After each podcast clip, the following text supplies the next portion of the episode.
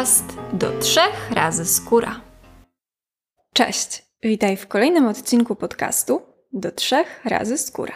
Dzisiaj goszczę Anię Kołomycew, autorkę bloga o włosach i książki o ich pielęgnacji, prezeskę i twórczynię marki kosmetyków Anwen, finalistkę konkursu na Businesswoman Roku, z wykształcenia matematyk. W wolnych chwilach dużo czyta, planuje dalekie podróże i plecie warkocze córeczce Zuzi. Cześć Aniu, witaj serdecznie. Cześć, dzień dobry. Powiedz mi na samym wstępie, jeśli pamiętasz, a na pewno pamiętasz, jak w ogóle na to wpadłaś, że kosmetyki powinny być dobrane do porowatości włosów? Wtedy było to coś niespotykanego, to była nowość. Mm, no tak, zdecydowanie. Gdy myśmy wypuszczały pierwsze kosmetyki w 2017 roku, to były pierwsze i jedyne tak naprawdę na całym polskim rynku włosowym kosmetyki dopasowane do porowatości. I powiem Ci, że mm, o ile ja nie miałam wątpliwości, tak osoby z mojego otoczenia, osoby mniej lub bardziej związane z firmą, miały takie dylematy, tak? No bo jeżeli napiszemy na opakowaniu, że produkt jest przeznaczony do włosów wysokoparowatych, to wszyscy mnie pytali, no dobrze, ale skąd e, te wszystkie panie w drogerii będą wiedziały, który z tych trzech kosmetyków mają kupić, tak? Skąd będą wiedziały, jaką tą porowatość mają. Ten mój pomysł i cały ten właśnie koncept podziału kosmetyków właśnie ze względu na porowatość włosów, a nie na to, jak inni producenci je dzielą, czyli nie wiem, na to, czy włosy są zniszczone, czy są, w sumie nawet nie wiem, teraz, teraz się opisuje kosmetyki, bo troszkę wypadłam z obiegu, a tym bardziej, że coraz więcej pojawia się takich właśnie jak nasze do porowatości. E, w każdym razie ja uznawałam, że o ile tworząc kosmetyki jest łatwiej um, dopasować sobie składniki aktywne, które się w nich znajdą właśnie pod tą porowatość, plus ta cała moja społeczność e, wtedy blogowa e, też była przyzwyczajona do tego, że mówimy o tej porowatości, dzielimy sobie te nasze włosy właśnie ze względu na porowatość i w ten sposób sobie doradzamy, tak? Czyli ja mam wysoką, ty masz wysoką, czyli podobne kosmetyki nam się sprawdzą, to uznałam, że to będzie takim ułatwieniem dla tej naszej społeczności i być może właśnie w przyszłości e, dla wszystkich innych użytkowniczek, um, że będą mogły znaleźć produkt ściśle określony do danej porowatości. Bo w tamtych czasach, kiedy ja właśnie myślałam, tak, i pojawił się ten pomysł e, tworzenia własnych produktów, e, to było tak, że myśmy, my włosomaniaczki, tak, osoby zainteresowane tą świadomą pielęgnacją włosów, szukałyśmy produktów i właśnie z takim zastrzeżeniem, ok, ten jest fajny, ale uwaga, tam jest kokos, więc on się sprawdzi tylko do niskiej porowatości. I na przykład była jakaś świetna maska, która miała dużo fajnych składników, ale miała ten nieszczęsny kokos i większości dziewczyn przez to się gorzej sprawdzała, no bo był ten kokos, który jest najlepszy dla niskiej porwatości. No i ja chciałam troszkę wyjść tutaj naprzeciw tym właśnie poszukiwaniom, tym um, bardziej chciałam po prostu do, lepiej dopasować te produkty e, do konkretnych typów, wierząc w to i dalej w to wierzę, jak widać nie tylko ja, e, że dzięki temu będzie łatwiej dobrać produkt po prostu lepszy dla nas, dla naszych włosów. A jak do tego doszłaś, że porowatość jest e, ważna? To była jakaś intuicja, czy może inspirowałaś się blogami zagranicznymi albo jakimiś badaniami może amerykańskich naukowców? Tak, tak. Temat e, ogólnie porowatości na pewno przyszedł do nas z zachodu, e, być może właśnie od tych słynnych amerykańskich naukowców, na pewno z e, zagranicznych, anglojęzycznych, amerykańskich, prawdopodobnie for takich włosowych, w których ta wiedza włosowa i to ogólnie pielęgnacja włosów była już wcześniej tak mocno rozpropagowana. U nas dopiero to wtedy raczkowało, tak? Było forum Visage, ale to tam wszystko tak powolutku dopiero się rozwijało. Oczywiście nie przypomnę sobie teraz kto, tak? Kto o tej porowatości pierwszy raz tam napisał. Temat gdzieś tam wypłynął, zaczęłyśmy tą porowatość między sobą sprawdzać, ja nie zapomnę. Pierwsze takie testy porowatości, tak? Bo oczywiście od samego początku było, no ale jak tą porowatość zbadać, tak? Nikt z nas nie ma mikroskopu w domu, więc wszystkie dziewczyny chciały jakiś taki domowy sposób, w jaki sposób tą porowatość e, sobie określić. I pamiętam, był taki test, ale to już naprawdę lata temu, żeby przesunąć palcami, wziąć jeden włos i przesunąć palcami odwrotnie, czyli od końcówek w górę, tak? I jeżeli to bardzo mocno tak nam hamuje, no to znaczy, że te łuski są mocniej odchylone i rzeczywiście tak jakby czujemy je wręcz pod palcem, a jeżeli jesteśmy tak w miarę, w miarę przesunąć do góry, oczywiście nie tak gładko jak z, z od nasady po końce, to znaczy, że ta porowatość jest niższa. Oczywiście to jest taki test, powiedziałabym, totalnie niemiarodajny i raczej bym go nie zalecała w dzisiejszych czasach. Potem gdzieś pojawił się ten test ze szklanką wody, ale to też bardzo szybko doszliśmy do wniosku, że no niestety nie jest on w żaden sposób miarodajny. Ja pamiętam pierwszy raz swoją porowatość e, tak w przybliżeniu. Mm, miałam takie badania robionego włosa właśnie pod takim dużym zbliżeniem mikroskopowym, więc wtedy widziałam, że te moje łuski są takie na porowatości tej średniej, tak? Ale tak też określałam sobie e, sama tą porowatość po prostu na podstawie tego, jak te moje włosy się zachowywały. I ja, tak, robiąc różne eksperymenty na swoich włosach, czyli właśnie testując tego kokosa, e, testując e, taki olej na przykład polecany do wysokiej porwatości i inne dziewczyny robią takie ankiety też na blogu, różnego rodzaju ankiety pojawiały się e, w internecie. Ja w ogóle mam taką naturę trochę analityka badacza i nie zapomnę takich własnych mm, spisywanych po prostu w Excelu. Zbierałam dane, tak, gdzie się dało, czyli właśnie między innymi na tym forum też sobie na przykład robiłam takie analizy pod tytułem ileś tam osób poleca daną maskę, tak, albo jakąś odżywkę, albo jakaś tam odżywka się sprawdza i patrzyłam, jakie te dziewczyny mają włosy, tak, nawet jeżeli one wprost nie mówiły, że mają wysoką porowatość, to najczęściej tam był taki wątek i chwaliłyśmy się swoimi włosami, pokazywałyśmy postępy, więc ja na podstawie tych zdjęć też sobie tak patrzyłam, jaka ta osoba może mieć włosy i sprawdzałam, tak, że na przykład taka, taka maska lepiej się sprawdza u porowatości na przykład wysokiej, tak? Albo właśnie ta z kokosem czy olej kokosowy, ewidentnie nam wychodziło, że zdecydowanie lepiej sprawdza się na niskiej porowatości. Więc to było takim potwierdzeniem tego, gdzie gdzieś tam coś przeczytałyśmy, a potem właśnie na, na własnych włosach testując, e, rzeczywiście wychodziło na to, że to ma sens, tak? Że ta teoria nie jest taka wyssana z palca, tylko rzeczywiście przekłada się na efekty potem w pielęgnacji, więc, e, więc temat okazał się taki bardzo przydatny w praktyce. Powiedziałaś, że test szklanki nie jest miarodajny, a to jest chyba taki najbardziej popularny sposób w internecie i praktycznie każdy go poleca. Więc powiedz, jak to sprawdzić w takim razie? Jaką mamy porowatość? No test szklanki jest absolutnie niemiarodajny i bardzo mnie to boli i walczę tam troszkę z tymi właśnie powtarzanymi, błędnymi tymi testami, bo naprawdę na dużych stronach internetowych e, można znaleźć ten test i to takie jest no, zdecydowanie nieprofesjonalne. Więc oprócz tego mikroskopu, tak, który daje nam stuprocentową odpowiedź i to, co myśmy robiły w naszej firmie, czyli właśnie od tego wyszłyśmy i te zdjęcia można nawet obejrzeć sobie u nas na stronie internetowej, e, tego włosa, jak wygląda pod mikroskopem, niska, średnia, średnia i wysoka parowatość, to oczywiście jest e, mało prawdopodobne, ale możemy zrobić test. I na przykład na naszej stronie internetowej ja specjalnie taki test układałam lata temu i też sama go układałam jako matematyk, analityk, e, więc układałam sobie tą skalę punktową, e, testowałam go potem na wielu osobach, tak? Czyli mm, przygotowałam sama sobie ten test, na podstawie którego odpowiadając na kilkanaście pytań, wyskakuje nam wynik, tak? Czy ta nasza porowatość jest średnia, wysoka czy niska. Oczywiście test jako test ma wady, tak? On się może nie sprawdzić w 100%. I wiadomo, że ktoś może na przykład odpowiedzieć bardziej intuicyjnie, tak, a niekoniecznie um, zgodnie z taką prawdą, już powiedziałabym, nie wiem, tutaj naukową, tak, czy taką prawdą faktyczną, stanem faktycznym. Więc test może być złudny, oczywiście, ale jest to na pewno dużo bardziej miarodajne niż ten test szklanki. Więc e, tego typu testy można zobaczyć na naszej stronie, można już w internecie też znaleźć. Na innych stronach podobne, e, wzorowane na naszym testy i po prostu rozwiązując go, dostaniemy jakąś odpowiedź. Okej, okay, super. Dobrze, że jest osoba, która uwielbia Excela i zajęła się takimi obliczeniami, więc możemy sobie spokojnie wejść i taki test zrobić. Aniu, porowatość się zmienia, prawda? Mamy na to wpływ.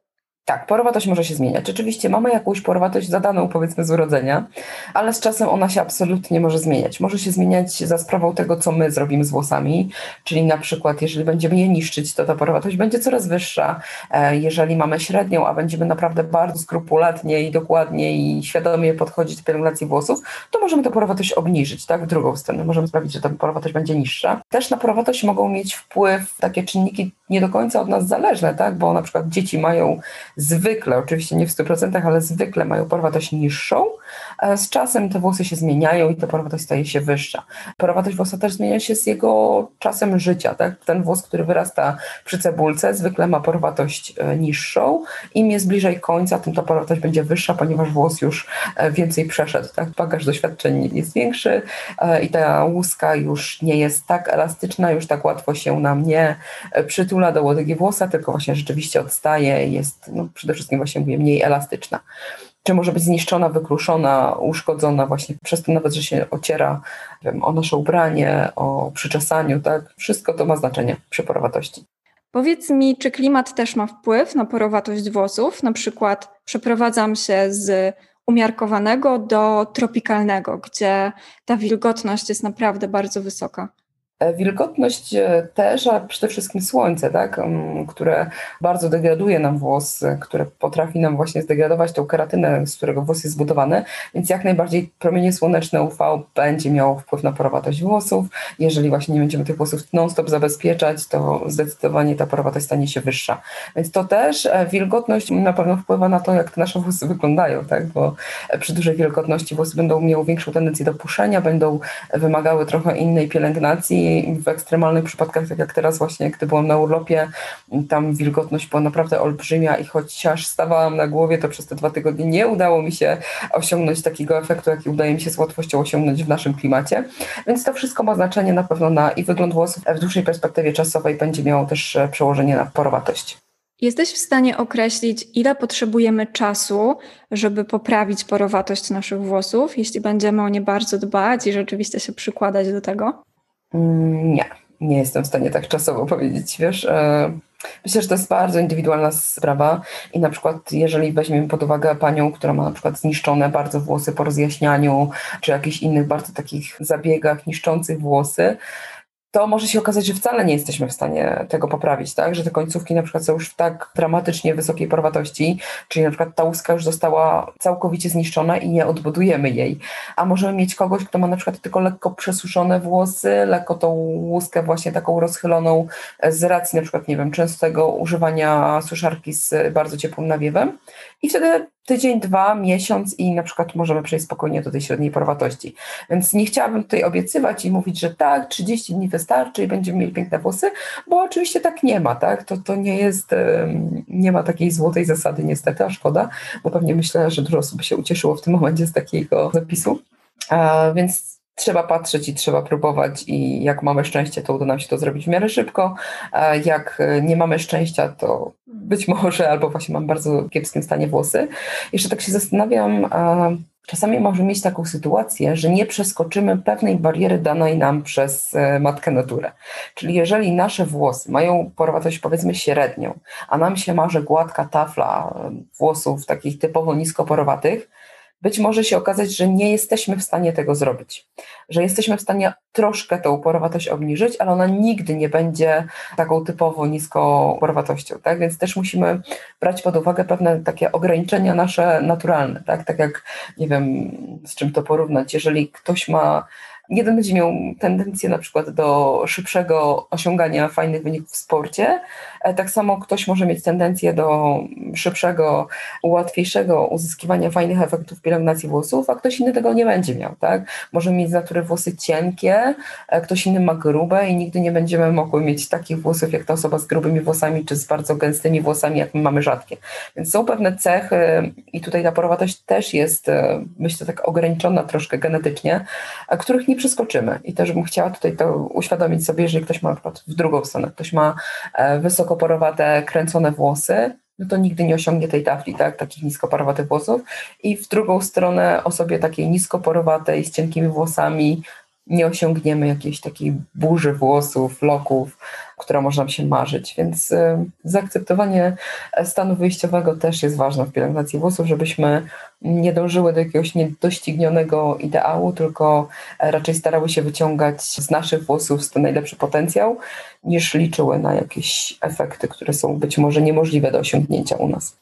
Wydaje nam się, że możemy tą pielęgnacją zrobić wszystko, no bo na przykład farbowałyśmy włosy i super jesteśmy w stanie sobie tą porowatość poprawić, ale fajnie, że o tym mówisz, że jest ten punkt zero i czasem nie da się już więcej z tych włosów wycisnąć, mimo że niesamowicie się staramy. Super, bardzo dobrze, że o tym powiedziałaś.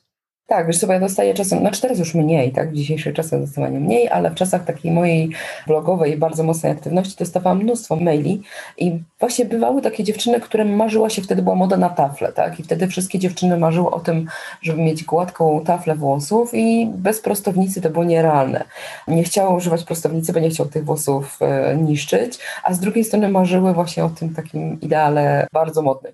W tej chwili mamy sytuację dokładnie odwrotną, teraz wszystkie dziewczyny marzą o lokach i często dostajemy pytania właśnie na przykład od naszych klientek, czy używając naszych kosmetyków te włosy zaczną im się kręcić, tak? No i niestety nie. Jeżeli ktoś nie ma naturalnie tendencji do kręcenia włosów, to choćbyśmy właśnie stanęły na głowie i nie wiadomo jak dobrze pielęgnowały te włosy, to nie wyciśniemy z nich tego, czego one nie mają e, w naturalny sposób, tak? Bo oczywiście możemy to zrobić lokówką, możemy to zrobić nie wiem, jakąś trwałą u fryzjera, ale to nie jest już ten naturalny skręt, o który dziewczyny pytają. Bardzo podziwiam osoby z kręconymi włosami, bo wydaje mi się, że wymagają niesamowicie dużo pracy też, żeby utrzymać ten skręt i żeby te włosy wyglądały tak pięknie, świeżo, były lśniące, więc naprawdę szapoba. Tak, ja też podziwiam i moje skryte marzenie, tak, zawsze było od dziecka chciałam mieć kręcone włosy. Moje mają niestety taki skręt bardzo słaby, takie 2A, troszkę naciągane, ale tak jak mówisz, na pewno jest to z jednej strony coś, co dodaje nam uroku, bo te kręcone włosy potrafią być naprawdę e, przepiękne i dodają kobiecie uroku przez to, że jest ich tak dużo i robią takie wrażenie, ale z drugiej strony są no, bardzo wymagające i jeżeli nam się wydaje, że koleżanka z kręconymi włosami tak pięknie wygląda, bo dopiero wstała, po prostu ruszyła ręką i tak to wygląda, no to nie. Często za tym stoi bardzo skomplikowana pielęgnacja, stylizacja, mnóstwo produktów, mnóstwo czasu, mnóstwo energii, żeby taki piękny efekt osiągnąć. Tak, dokładnie. Wszystko ma znaczenie, nawet suszenie włosów. Też kolejnym takim tematem, który myślę, że dalej spędza sens powiek wielu, pewnie kobietom przede wszystkim, to równowaga pech. I ty na pewno, jako matematyk, analityk, wyjaśnisz, o co chodzi z tą równowagą pech i co to jest. Równowaga pech to jest, powiedziałabym, taki drugi, według mnie być może nawet na pierwszym miejscu powinien być filar e, pielęgnacji włosów, ponieważ to jest, ja to zawsze porównuję właśnie na targach, jak ktoś mnie pyta, e, do zdrowego odżywiania. Mm, myślę, że już w dzisiejszych czasach większość ludzi ma tą świadomość, że zdrowe odżywianie opiera się na trzech grupach składników. I tam mamy e, tłuszcze, białka i węglowodany. I tutaj jest bardzo podobnie. Włosy też potrzebują odpowiedniej diety i ona też jest zbudowana na tych trzech składnikach, tylko troszkę inaczej nazywamy. Tak? Te tłuszcze, które są w jedzeniu, tutaj nazywamy emolientami, węglowodany nazywamy humektantami, ponieważ właśnie węglowodany, cukry są zwykle humektantami, więc się wszystko pięknie analogicznie składa. I ostatnie, czyli białka, to tutaj mamy w pielęgnacji proteiny, czyli ten pech. Proteiny, emolienty, humektanty.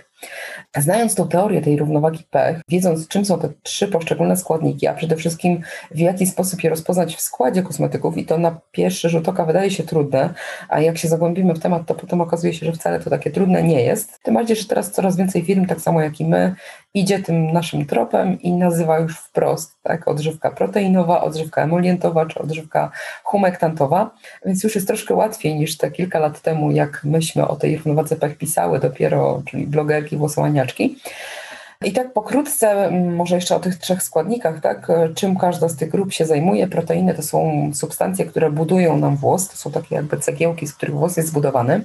Jak ich zabraknie, to ten włos robi się taki kruchy, łamliwy, wiotki, nie ma takiego życia. Jak jest kręcony, to ma słabszy skręt a mm, też w drugą stronę niestety, bo każda z tych substancji działa dobrze, o ile z nią też nie przesadzimy, tak? Czyli ta równowaga musi być zachowana nie tylko pomiędzy trzema grupami, ale też e, w obrębie jednej grupy, tak? Czyli z proteinami, jeżeli przesadzimy w jedną stronę, czyli jest, ich brakuje, to będzie, tak jak mówiłam, czy ten włos będzie taki wiotki, łamliwy, a jeżeli go będzie zbyt dużo, to zrobi się zbyt sztywny, zbyt szorstki, też nie będzie dobrze, tak? Efekt nie będzie tak, jakbyśmy chciały. Emolienty, czyli te substancje tłuste, one tworzą na naszym włosie taką pokrywę, taki film, który zabezpiecza nam włosy nie tylko przed utratą nawilżenia, które jest we włosie naturalnie, ale też przed tymi wszystkimi szkodliwymi czynnikami zewnętrznymi.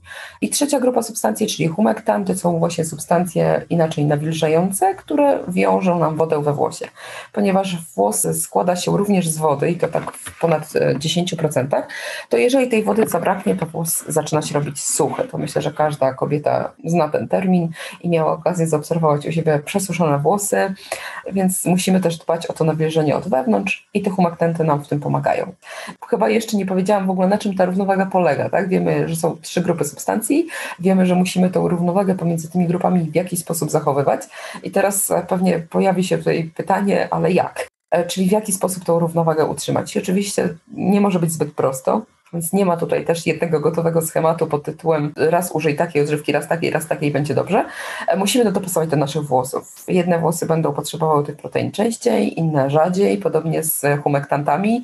E, są włosy, którym wystarczy humektanty co drugie mycie, inne będą jeszcze rzadziej, powiedzmy raz w tygodniu, a jeszcze inne raz na dwa tygodnie, dopiero wtedy, kiedy pogoda będzie odpowiednia. Więc niestety to nie jest takie proste, że mamy gotowy schemat, pod który podkładamy nasze włosy i jest super. E, tylko musimy się też nauczyć troszkę te włosy i te ich potrzeby rozpoznawać. I to już jest e, temat kolejny, który tam warto by było rozwinąć.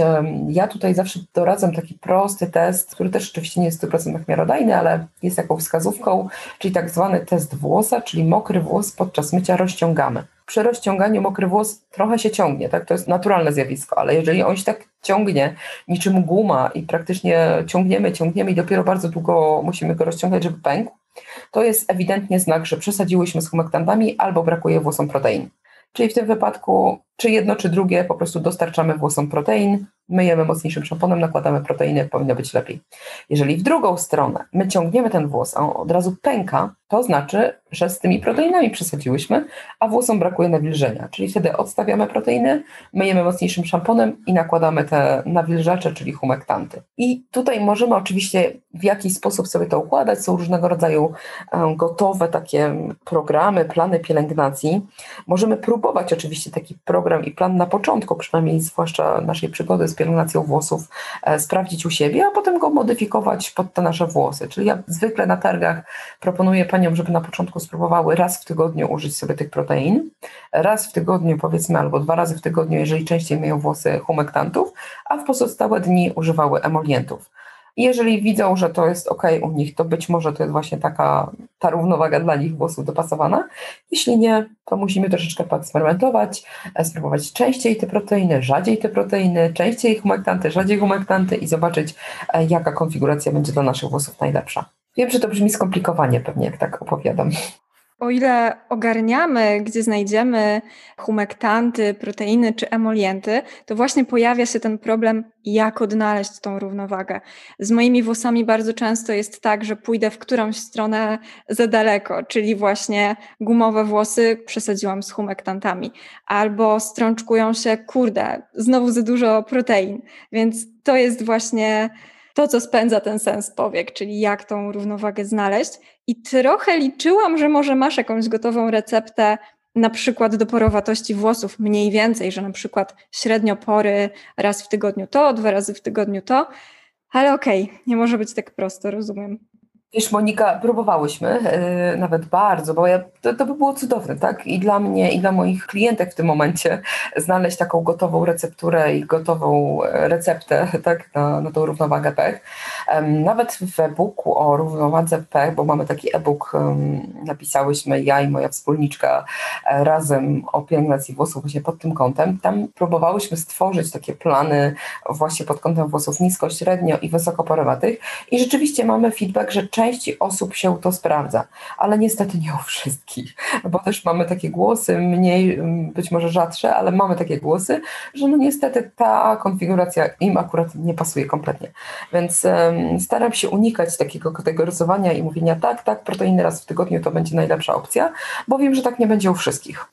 Okej, okay, a jeśli będę chciała na przykład pójść na łatwiznę i powiedzmy, że udało mi się już określić, że mm, humektanty i emolienty dwa razy w tygodniu, to czy mogę sobie dwie odżywki zmieszać, od razu nałożyć je i mieć, oczywiście w osobnych odżywkach, powiedzmy, że mam osobne odżywki, ale nie mam czasu, mieszam je sobie razem i mam załatwione, czy nie? Pewnie, absolutnie. Wiesz, ja tak robiłam do pewnego czasu mojej córeczce, ponieważ e, ułatwia się tak pewne rzeczy, wiadomo, myślę, że każda mama zrozumie, więc brałam trzy nasze odżywki i w odpowiednich proporcjach dla właśnie już takiej dla mojego dziecka przygotowanych mieszałam sobie te trzy odżywki na ręce i nakładałam taką gotową mieszankę e, przy każdym myciu, czyli raz w tygodniu tam były i proteiny, i humektanty, i emolienty w odpowiednich proporcjach. Potem, jak już tak mieszałam mieszałam i to trwało tam nawet kilka lat, stwierdziłam, że koniec z tym, stwórzmy kosmetyk specjalnie dla dzieci. Tak powstało Be My Baby, tak? Od tego mojego mieszania ja te proporcje przeniosłam na Be My Baby i tam mamy wszystkie trzy. Tam mamy proteiny, emolinty, humektanty zmieszane w takich proporcjach, które według mnie sprawdzają się najlepiej na włosach dzieci. I w ten sposób to działa, tak? I jeżeli na przykład ty zauważysz, że u ciebie dobrze działa pomieszanie jakichś dwóch grup substancji w jednym myciu, to spokojnie możesz te dwie odżywki, czy dwie maski, czy dwie jakiekolwiek produkty zmieszać sobie razem i razem nałożyć na włosy, jeśli ci to ułatwia pielęgnację. Okej, okay. a czy masz jakiś feedback od dorosłych osób, jakim się sprawdza Be My Baby? Genialnie. To jest właśnie taki typ odżywki, który będzie się bardzo dobrze sprawdzał i to jest super odżywka na wyjazdy, bo tam mamy wszystkie trzy grupy, nie trzeba brać trzech odżywek, mamy jedną, e, która zawiera wszystko. Bardzo dobrze się sprawdza na prowadności niskiej, średniej, na wysokiej raczej może być za lekka, ponieważ starałyśmy się tą odżywkę właśnie pod te dziecięce włosy dopasować, więc ona jest z gatunku tych lżejszych, nie będzie tak dociążała tych włosów, jak tego mogą potrzebować włosy wysokoparowate, ale od e, mam często, ale nie tylko, tak, od dziewczyn, które kupiły tą naszą odżywkę mm, dla siebie, nie dla dziecka, mamy bardzo fajny feedback. Tutaj mogę spokojnie polecić. E, takie trochę też zanurzenie się w dzieciństwie, ponieważ pachnie malinową mambą, także dzieciom się podoba, ale dorosłym też. Też mamy tutaj bardzo fajny feedback odnośnie zapachu. A czy masz jakieś włosowe must have, które polecasz swoim klientkom albo swoim bliskim, że ktoś na przykład zaczyna ogarniać włosing, to powinien kupić to, to i to i zrobić to, to i to? Tak to już zwykle jest, tak, że pojawiam się no nie wiem, na dowolnej imprezie, e, czy gdziekolwiek wśród ludzi, którzy jeszcze nie siedzą w pielęgnacji włosów, to najczęściej dostaję takie pytania, tak, od czego zacząć, a właśnie co jest tym takim must have, co kupić na początek, na taki start. Więc co ja zwykle polecam? Na pewno zawsze daję takim osobom do przetestowania szampon peelingujący, bo to jest coś, czego 90% osób takich niezwiązanych z pielęgnacją włosów, nie znających jeszcze świadomej pielęgnacji włosów, w ogóle nie wie, tak, o, tej, o tych peelingach. Więc ja zwykle zaczynam od tego, że a czy słyszałeś w ogóle o tym, że trzeba robić peeling skóry głowy? I to jest taki, powiedziałam, must have wśród osób, które dopiero zaczynają. A jeśli chodzi o samą pielęgnację już włosów na długości, to różnie. To też um, zwykle robię taki mały wywiad, jak ta osoba podchodzi w ogóle do dbania o włosy, ile ma czasu. Bo jeżeli to jest osoba, która ma bardzo mało czasu, to zwykle daje jedną maskę i jedną odżywkę. Czyli masz tutaj jedną maskę, która jest e, pechowa najczęściej, bo takie mamy w ofercie, chociażby nasze winogrono i keratyna, która ma właśnie proteiny, emolienty i humektanty w jednym. I mówię, używaj tej maski raz w tygodniu w weekend, a w pozostałe dni daję im emolientową odżywkę, a ty mówię, tego używaj w pozostałe mycia. I to jest taki, powiedziałbym, pierwszy schemat, taki najprostszy dla osoby, która kompletnie nie ogarnia, a, a która chce cokolwiek zrobić dla swoich włosów i nie bardzo chce wnikać w te wszystkie tematy równowagi pech, porowatości czy czegokolwiek no to wystarcza, tak? Czyli ten peeling raz w tygodniu, raz w tygodniu po peelingu, wtedy po tym naszym szamponie peelingującym maska, mówię, podtrzymaj sobie ją wtedy dłużej, tak? Zrób dla tych włosów takie jednodniowe spa w weekend, na tygodniu odżywka emolientowa i to nam tą równowagę pech zwykle w takim wystarczającym stopniu zapewni. Okej, okay, teraz po tym, co powiedziałaś, zrodziło mi się też pytanie, czy każdą z tych grup, proteiny, emolienty i humektanty, jeśli mamy osobne odżywki, to rekomendujesz jakiś czas, na jak długo trzeba każdą z tych odżywek nakładać? Tak, tak, to ma znaczenie. Właśnie to słusznie zauważyłaś. O ile w przypadku emolientów to zwykle te dwie minuty mm, takie standardowe trzymania tak produktu e, wystarczą i ta odżywka wtedy zaprezentuje nam pełnię swoich efektów, o tyle już w przypadku protein czy humektantów tak pięknie nie jest. Proteiny, jako te substancje, które muszą wniknąć w głąb włosa, tak, żeby zdążyły zadziałać, żeby zdążyły odbudować nam te ubytki keratyny we włosie, potrzebują najwięcej czasu. I tutaj ja zwykle rekomenduję ten maksymalny czas, e, czyli te około pół godziny, dobrze by było po taką odżywkę czy maskę potrzymać, żeby rzeczywiście zauważyć te fajne efekty protein. W przypadku humektantów ten czas powiedziałabym jest taki pośredni. Może one nie potrzebują aż tak długo czasu e, jak proteiny, czyli nie muszą aż tych 30 minut być na włosach, ale takie te 10-15 to dobrze by było je sobie potrzymać, żeby rzeczywiście też zauważyć efekty. Lub na przykład humektanty, to co ja lubię polecać i to też się fajnie sprawdza, nakładamy pod olej. Jeżeli ktoś chce spróbować tak zwanego olejowania włosów, to bardzo fajnie humektanty przenieść sobie przed myciem pod olej. Może to być odżywka humektantowa, może to być nawet takim domowym sposobem, nie wiem, woda wymieszana z miodem, czy żel aloesowy, czy jakieś ugotowane siemię lniane, cokolwiek, co właśnie zawiera sporo tych substancji nawilżających. Na to nakładamy na włosy warstwę oleju i z tym chodzimy powiedzmy tak pół godziny do godziny, nawet do dwóch, jeżeli mamy czas i dopiero potem myjemy włosy. W przypadku humektantów ta wersja też się fajnie sprawdza. 30 minut na odżywkę proteinową to jest całkiem sporo. Czy możemy to jakoś przyspieszyć? Foliowym czepkiem, turbanem? Nie wiem. Tak, tak. Temperatura na pewno nam będzie ten proces przyspieszała. Jeżeli właśnie założymy sobie foliowy czepek, no to turban albo ręcznik, potrzymamy właśnie taki kompres, żeby to chociaż troszkę miało się okazji zagrzać. Czy w ekstremalnych przypadkach, jak dziewczynom się śpieszy, to możemy potrzeć to suszarką, tak? Po prostu ciepłym strumieniem suszarki skierowanym właśnie na taki turban e, z ręcznika i pod spodem ewentualnej folii. To zdecydowanie tam przyspieszy, tak? Czyli wtedy Myślę, że te 10 minut spokojnie nam wystarczą, albo nawet już to ekstremalnie z podgrzaniem suszarki, to myślę, że i 5 minut po takim podgrzaniu też te proteiny już na pewno dużo lepiej zadziałają niż bez tego ciepła. Mhm, dobrze. Powiedziałaś o składnikach, które myślę, że każdy z nas ma w domu. Czy masz jakieś swoje ulubione, te kuchenne, które tak super działają na włosy?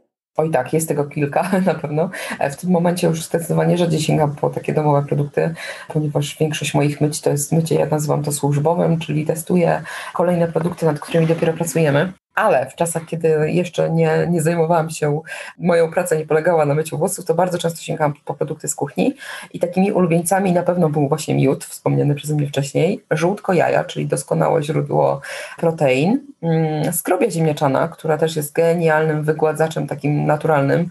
Wystarczy po prostu wziąć dowolną odżywkę czy maskę, którą już mamy w domu, dosypać do tego łyżkę skrobi ziemniaczanej, wymieszać to dokładnie i nałożyć na włosy i taka maska na pewno dużo lepiej zadziała, dużo fajniej nam te włosy wygładzi niż bez tego składnika, więc to jest też taki mój genialny patent.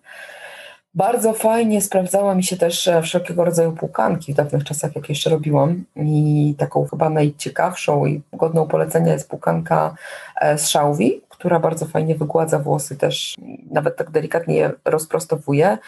Siemielniane, to też bym powiedziała taki hit hitów, ponieważ on ma tak wszechstronne działanie siemielniane, z którego ugotujemy taki żel, możemy go dodać do maski, możemy go nałożyć na skórę głowy, możemy go użyć jako stylizatora, możemy tym próbować nawilżyć też ciało czy twarz, możemy z tego taką bardzo mocno nawilżającą maskę zrobić na włosy, możemy nałożyć właśnie pod ten olej, więc też ma mnóstwo takich różnych fajnych zastosowań. To chyba tacy moi ulubieńcy. No i aloes, tak, też w formie żelu aloesowego, takiego gotowego kupnego, czy soku alesowego, które można kupić w aptekach bądź w sklepach.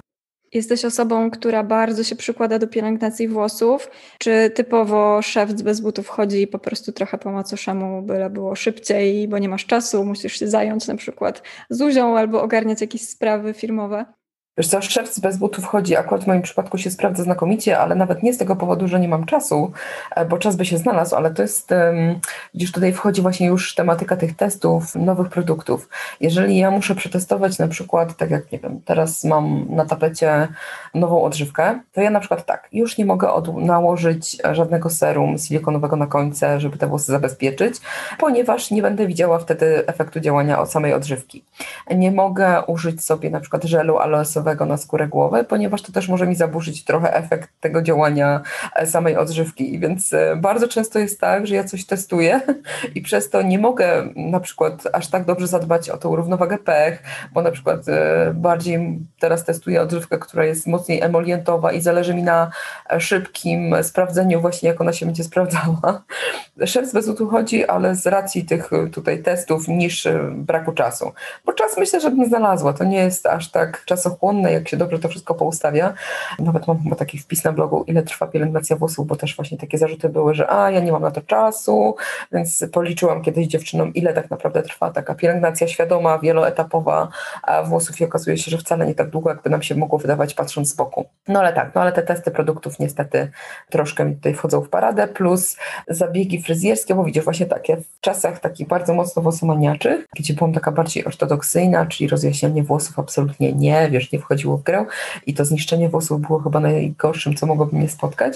W tej chwili troszkę bardziej na luzie do tego podchodzę i na przykład ważniejsze jest dla mnie to, że mam taki odcień włosów jak chcę y, i te włosy nie są już tak idealnie wypielęgnowane, bo są na przykład rozjaśniane więc ta porowatość jest wyższa niż taka moja, którą mogę osiągnąć i jak bardzo się postaram i właśnie tych włosów nie będę niszczyła, ale teraz już mnie to tak nie boli. A ile trwają takie testy nowego kosmetyku? Jak długo musisz go sprawdzać? Albo jak długo chcesz go sprawdzać? Wszystko to zależy od tego, jaki to jest produkt, bo na przykład w przypadku produktów przeznaczonych do skóry głowy, jeżeli to jest wcierka, która ma na przykład pobudzać porost włosów, to tego nie zrobimy tak po jednym użyciu, tylko ten minimum miesiąc testów, a zwykle miesiąc okazuje się zbyt krótki.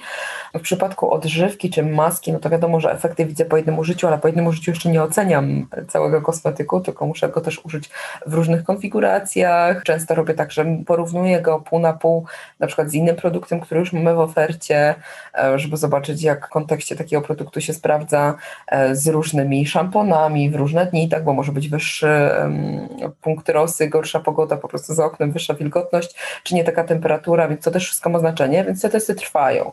Ale to często też jest tak, że te testy trwają bardzo długo, czasami nawet latami niestety, ponieważ coś mi nie gra, tak, i my poprawiamy i poprawiamy i tych prób jest bardzo dużo, ponieważ cały czas coś majstrujemy w recepturze, coś dokładamy, coś odejmujemy, aż dojdziemy do takiego etapu, gdzie ja jestem zadowolona z tego, jakie daje efekty. A który z kosmetyków był testowany latami? Wiesz co, pierwsze maski, pierwsze maski, bo to był taki produkt, ja jeszcze, e, wiesz, pierwszy produkt, jak się wypuszcza na rynek, to każdy, myślę, że twórca własnych produktów, na początku jest tak, że chcesz, żeby wszystko było idealne, naprawdę, żeby to było takie dopieszczone, do po prostu do najmniejszego szczegółu, więc ja nad nimi bardzo długo pracowałam, ponieważ cały czas wydawało mi się, że to jeszcze nie jest ten ideał, to jeszcze nie jest tak dobre i nie sprawdzi się u wszystkich, tak? Ja w tej chwili na przykład już mam trochę większą świadomość i trochę inaczej na to patrzę, bo wiem, że nie każdy produkt sprawdzi nam się u wszystkich i nigdy nie będzie tak, że ja wypuszczę produkt i 100% osób nam powie, że jest idealny. E, wtedy marzyłam o czymś takim, tak, że to będzie taki produkt, że każda osoba, która go będzie testowała, to powie wow, cudowne. E, więc to trwało bardzo długo, ale też to, że czekałam na przykład na kolejną próbę dłużej. E, w tej chwili mamy taki tutaj trochę bardziej priorytet w laboratorium, więc jesteśmy w stanie tworzyć te kolejne próby szybciej. Też mamy lepsze kontakty już e, z dostawcami surowców, więc też na przykład na surowce czekamy krócej, o ile się da. Dostajemy coś tam priorytetowo tak wcześniej, a na początku, jak tworzono te produkty, to było bardzo długo. Czasem są takie produkty, które sprawiają nam problemy technologiczne, tak jak było na przykład z szamponem w kostce, też, który trwał bardzo, bardzo długo. Tworzenie go tak samo było z maską Kulba nas. Też chyba prawie dwa lata trwały prace, ale to już właśnie niezależnie od nas.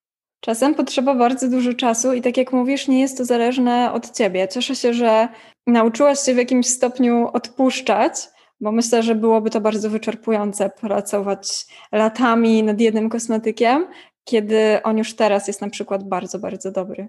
Tak, tak, to jest bardzo uwalniające i myślę, że to też jest coś, czego twórcy własnych produktów w pewnym momencie muszą się nauczyć, bo albo będziemy latami pracować nad jednym produktem i nasza konkurencja w tym czasie będzie lata do przodu przed nami, tak? Albo e, właśnie nauczymy się odpuszczać i godzić się z tą myślą, że coś nie jest idealne dla wszystkich, tak? Ja już mam teraz właśnie tą wizję, że jeżeli większość naszych probantów jest zadowolona i efekty, które oni widzą, są takie, jak ja zamierzyłam sobie, tak? Zamarzyłam i zaprojektowałam po prostu tworząc, wymyślając jakiś produkt, to jestem w stanie się z tym pogodzić, że na przykład jedna osoba z tych 20 e, mówi, że coś, e, coś jej nie gra, tak? I to jest coś, na co my nie mamy wpływu. Czyli to nie jest kwestia tego, że na przykład, nie wiem, konsystencja nie pasuje, czyli coś, co jesteśmy łatwo w stanie poprawić, tylko na przykład efekt po prostu, tak? U tej osoby nie jest taki, to ja jestem w stanie się z tym pogodzić. To musi być niesamowite uczucie. Ja bardzo często y, śledzę te zmiany, na przykład na Twoim profilu na social mediach, i dziewczyny wrzucają, i myślę sobie, wow, super. I tak się zastanawiam, co musisz Ty czuć. Widzisz, że Twoja maska i wiadomo też praca tej osoby, ale stworzyła taki niesamowity efekt. No jest to, jest to na pewno mega satysfakcjonujące. W ogóle tworzenie swoich rzeczy jest mega satysfakcjonujące, jeżeli właśnie my coś najpierw wymyślimy sobie w głowie, wykreujemy w naszych myślach. Ja tak mam, tak, że właśnie w mojej głowie pojawia się czasem taka wizja totalna jakiegoś produktu, czyli od zapachu, e, opakowania, kolorystyki, oczywiście przez to najważniejsze działanie, tak, co to ma robić, czyli mam taką spójną wizję i potem widzę ten produkt, który urzeczywistnia się i stoi na półce i ktoś z niego korzysta i daje mu takie efekty, jak ja sobie wymyśliłam, no to jest coś wow, tak? To jest coś, czego nie da się porównać z niczym innym i myślę, że tutaj wszyscy twórcy, wszyscy, którzy coś tworzą, wiedzą na pewno o czym myślę, bo niesamowite uczucie. Pamiętasz, w którym momencie pisania bloga zdałaś sobie sprawę, że chcesz mieć swoje kosmetyki? Tak, wiesz co, tutaj myślę, że nawet nie tyle ja sobie zdałam sprawę, co podsunięto mi ten pomysł. Tak? Ode mnie odezwała się firma, która mi zaproponowała e, stworzenie marki, stworzenie linii kosmetyków własnych, tak, by Anwen wtedy to miało być coś tego typu. Na szczęście się nie zgodziłam w tamtym czasie, nie, nie doszło do skutku ta nasza umowa i ten pomysł, z czego się bardzo cieszę, ponieważ wtedy miałabym z nimi dużo, dużo mniejszy wpływ na całokształt y, produktów, które bym tworzyła. Raczej byłabym taką twarzą tej marki, nie miała jakiś niewielki wpływ na to, co tam w tych kosmetykach by się znalazło, czy jak one by wyglądały. A tutaj mam totalnie od A do Z moje zdanie jest ostatnie, tak? Ja mam to decydujące zdanie na temat tego, jak ten produkt będzie wyglądał, jak będzie pachniał, jak będzie działał. To właśnie ja decyduję, czy ten produkt już idzie do testów takich zewnętrznych, czy dalej pracujemy nad nim, tak? Więc to jest no, też fajnie, ja bardzo lubię tą sprawczość swoją, to, że właśnie mogę decydować na każdym, absolutnie każdym etapie o tym, jak te produkty wyglądają, czy one są takie naprawdę, czuję moje, tak? A nie, że ktoś je tworzy, a ja tylko je firmuję. Tak, to jest bardzo ważne, że jesteś decyzyjna, tym bardziej, że masz w tym ogromną wiedzę i też w pewnym momencie zdałaś sobie sprawę z tego, czego chcesz, więc cieszę się, że ostatecznie to się udało. Tak, wiesz, no, przez lata było tak, że ja pisząc bloga szukałam jakichś produktów, szukałam pewnego typu produktów, nie wiem, szukałam giełki do włosów z filtrami UV, która nie będzie miała alkoholu. I absolutnie na rynku wtedy nie było ani jednego takiego produktu, który spełniałby moje oczekiwania. Szukałam szamponów w piance, absolutnie żadna firma ich nie tworzyła. E, szukałam, nie wiem, na przykład serum na końcówki, które byłoby w formie stałej w słoiczku, tak jak my mamy Happy Ends. Nikt tego nie robił. I tak mogłabym wymieniać bardzo dużo produktów, których absolutnie wtedy nie było, czy chociażby właśnie tych masek podzielonych na porowatość.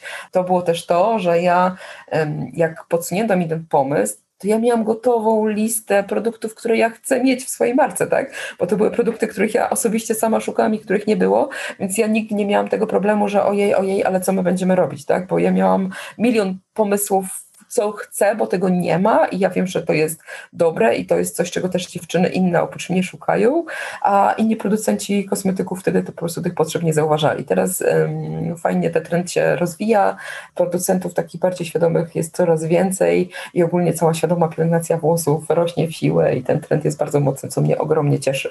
Tak, dokładnie, to prawda. Możemy pójść do sieciówki i znaleźć e, świetne kosmetyki i odnaleźć się też w nich. Nie jest to jakieś skomplikowane. Jak jesteśmy przy blogu, to powiedz mi proszę, jak teraz się ma pięć zasad według Anwen? Coś się zmieniło? Ojej, wiesz co, nie wiem, czy mam w tej chwili czas, żeby sobie zobaczyć, co ja tam wtedy pisałam, to ci mogę powiedzieć na bieżąco, e, co bym zmieniła ewentualnie. Już sobie zaraz wygoogluję i będę wiedzieć. Tak, widzę, że pięć zasad pielęgnacji włosów według Anwen powstało 10 lat temu, już ponad 10 lat temu, bardzo dawno i teraz um, na bieżąco. Odżywiaj od wewnątrz. Jak najbardziej się zgadzam.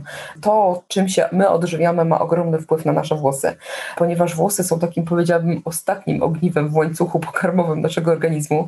Jeżeli czegoś nam w tej naszej diecie brakuje, jakichś witamin, którychś mikroelementów, to niestety te włosy najmocniej ucierpią. To znaczy, jako pierwsze będą odłączone od dostawy do dobrych składników i po tych włosach będziemy bardzo szybko widzieć braki. Zdrowa dieta ma wpływ na włosy, więc dbajmy od siebie, od wewnątrz, to włosy też na pewno nam się tutaj odwdzięczą. E, zasada numer dwa, bądź systematyczna. I tego też bym absolutnie nie, nie zmieniła, ponieważ to jest tak jak z ćwiczeniami, tak? Możemy dać siebie wszystko na siłowni, ale jeżeli zrobimy to tylko raz w miesiącu, no to efekty będą żadne. I podobnie z pielęgnacją włosów, tak? Jeżeli będziemy dbać o włosy um, raz na miesiąc, jak nam się przypomni, albo właśnie przeczytamy coś fajnego na, na blogu, czy usłyszymy od koleżanki, no to efekty niestety nie będą zadowalające. Trzecia zasada, dbaj o różnorodność. O, i to jest taka zasada, którą ja bym teraz e, przerobiła, pamiętaj o równowadze P, bo to jest e, to, co myśmy wtedy mówiły, tutaj mam napisane, tak, właśnie różnego rodzaju składników, protein, emolientów, humektantów, tylko troszeczkę trochę inaczej to nazywałyśmy. Wtedy jeszcze nie, nie mówiło się o równowadze pech, w sensie nie nazywałyśmy tego równowagą pech, ale świadomość tego, że te włosy potrzebują różnych e, substancji dostarczonych w różny sposób już wtedy była. Cieszę się, tylko pewnie mówię, nazwałabym to trochę inaczej i pewnie bardziej bym się skupiła na równowadze pech. E, bądź delikatna. Mm, czwarta zasada.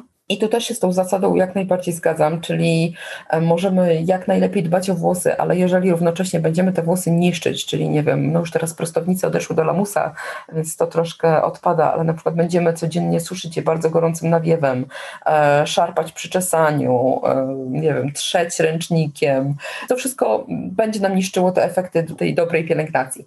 Więc z tą zasadą dalej po 10 latach jak najbardziej się zgadzam.